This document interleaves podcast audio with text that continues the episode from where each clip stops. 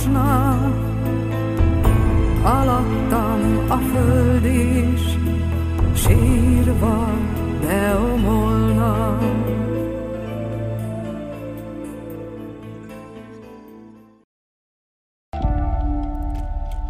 A nap, amire ma emlékszünk, a 20. századi magyar történelem egyik legmeghatározóbb eseménye volt. Magyarország népe felemelte szavát a terror ellen, amelyel az akkori vezetés irányította az országot. Az emberek nemet mondtak a megalázottságra, félelemre, az éjszakai elhurcolásokra, a hamis vádakra alapozott kivégzésekre. Ebben a műsorban arra vállalkoztunk, hogy felvillantsuk a forradalom kibontakozásának eseményeit, majd összefoglaljuk annak a 12 napnak a történetét, amelyben eldőlt a magyar emberek jövőbeli sorsa. Mindezt úgy képzeltük el, hogy egy a történelem ezen szakaszát személyesen megélt nagyapa szemén keresztül láthatjuk az eseményeket. Ünnepi megemlékezésünk kezdetén énekeljük el együtt a himnuszt.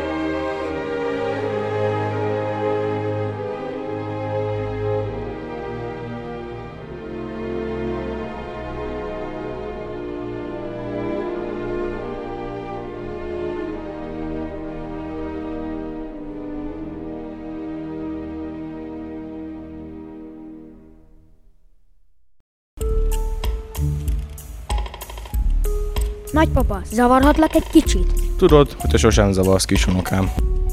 Mesélnél nekem? Mit szeretnél, miről meséljek? Manókról, tündérekről, sárkányokról? Most nem, nagyapa, erről a fényképről. Hol találtad ezt a képet? Nagymamával rendet raktunk a régi fényképek között. Mikor ez a kezébe került, hosszan nézte, és sokáig nem szólt. Szomorúnak tűnt. Kérdeztem a kép történetét, de azt mondta, ez csak a nagyapa tudja igazán elmesélni. Látod ezt a fiatal embert itt a képen? Ez én vagyok, 1956. október 23-án. Vár csak nagypapa, erről már hallottam az iskolában. Ez valami ünnep, igaz? Amikor szép ruhát kell felvennünk, meghallgathatjuk a himnuszt, szó esik lyukas zászlóról, tankokról. De sosem értettem. Nagyapa, elmeséled nekem, hogy volt? Hát, ha jobban megértem. De szép volt az első nap, az volt a legeslegszebb. Azon a verőfényes, októberi, keddi délutánon vibráló feszültség érintett meg mindenkit. Valami titkos vezényszóra ezrek gyűltek össze Budapesten. Az emberek ezrével jöttek ki a házaikból, megálltak a villamosok, és valamennyien boldogan vonultak a Petőfi szoborhoz, ahol az egyetemisták tüntetése kezdődött. Talpra magyar. Hí a haza. Itt az idő, most vagy soha. rabok legyünk, vagy szabadok? Ez a kérdés. Válasszatok. A magyarok istenére esküszünk. Esküszünk, hogy rabok tovább nem leszünk. Rabok voltunk mostanáig. Kárhozottak ősapáink, kik szabadon éltek, haltak, szolgaföldben nem nyughatnak. A magyarok istenére esküszünk, esküszünk, hogy rabok tovább nem leszünk. Követeljük, hogy vonják ki a szovjet csapatokat! Ruszik haza! Új választások legyenek! Új vezetést akarunk Nagy Imrében bizalmunk! Nagy Imre alakítson kormányt! Sztálinista bűnösöket váltsák le! Nagy Imrét a kormányban rákosít a Dunába! Több pártot, új nemzetgyűlés, sztrájkjogot! Vesszen az önként, éljen a törvény! Független bíróság vizsgálja felül az összes politikai gazdasági pert, bocsássák szabadon az ártatlanul elítélteket. Teljes vélemény és szólásszabadságos szabad rádiót. Távolítsák el a Szálin szobrot. Helyére 1848-as emlékmű kerüljön. Szovjet sereg menjen haza, Szálin szobrot vigye haza! Új nemzeti jellegű címet. Ne állunk meg félúton, sztálinizmus pusztuljon! Nézd, ezt a képet mindig magamnál tartom. A BEM szobornál készült, ahol akkorra már 200 ezer ember gyűlt össze. Miért vágják szét az zászlót? Nem vágják szét, azt a szovjet mintájú címet akarják eltávolítani, ami mindig idegen volt a magyarság számára. És csak jöttek, jöttek az emberek. Majd a parlamenthez mentünk, hogy Nagy Imrét halljuk. Ő beszédet mondott, és hazatérésre szólította fel a tömeget. Az emberek azonban a rádióhoz mentek, ahol minden megvározott.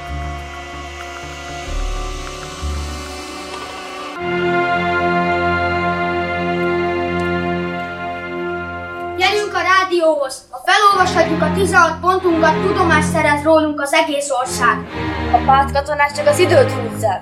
Taktikáznak, hogy ne jussunk szóhoz. El akarnak hallgattatni Ne bennünket. engedjük! Ne hagyjuk magunkat! Az ávósok fegyvert szegeznek rá.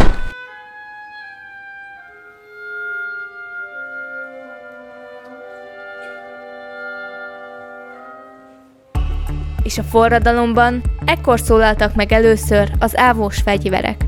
De csak olaj volt a tűzre. A tömeg még jobban fellelkesült. Gyerünk a Sztálin szoborhoz! Döntsük le a zsarnokság jelképét. Az egész világ meg fogja hallani azt a dübörgést, amikor a 200 mázsás bronzfigura a kövezetre bukik. A rádiónál folytatódtak a küzdelmek. Még akkor éjjel szovjet tankok nyomultak a városba. Azt gondolták, hogy puszta megjelenésükkel véget vetnek a megmozdulásoknak. Legnagyobb meglepetésükre azonban a budapestiek felvették ellenük a harcot. Benzines palackokkal tették harcképtelenné őket. Az első győzelmek új lendületet adtak a felkelőknek. A következő napokban sorra jöttek létre a harcolók központjai Budapesten. A Szovjetuniótól való függetlenségért és demokráciáért küzdöttek. Az újonnan kinevezett magyar miniszterelnök Nagy Imre a felkelők mellé állva egy sor olyan intézkedést hozott, amelyel egy szabadabb, modernebb ország alapjait rakhatta volna le. Bejelentette, hogy Magyarország kilép a szovjet vezetésű katonai szervezetből, a Varsói Szerződésből és semleges független állammá alakul.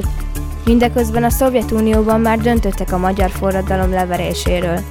November 4-én hajnali 4 órakor moszkvai parancsra megszámlálhatatlan tankadosztályjal, 200 ezer gyalogossal, több ezer harci járművel támadtak az alvó fővárosra. Az egész ülői úton csak tankok jöttek végig, egymás mellett négyes ötös sorokban, ahogy csak elfértek, özönlöttek befelé. A légierőt is bevetették. Megszállták a repülőtereket, bevonultak a vidéki városokba. Nehéz fegyverzettel minden mozgásra lőttek, ezt már nem lehetett kivédeni.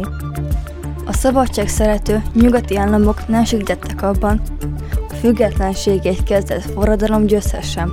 A harcok néhány napig tudták tartani magukat az iszonyatos túlerővel szemben. Azonban november végére teljesen felszámolta őket a szovjet haderő. A város elnémult.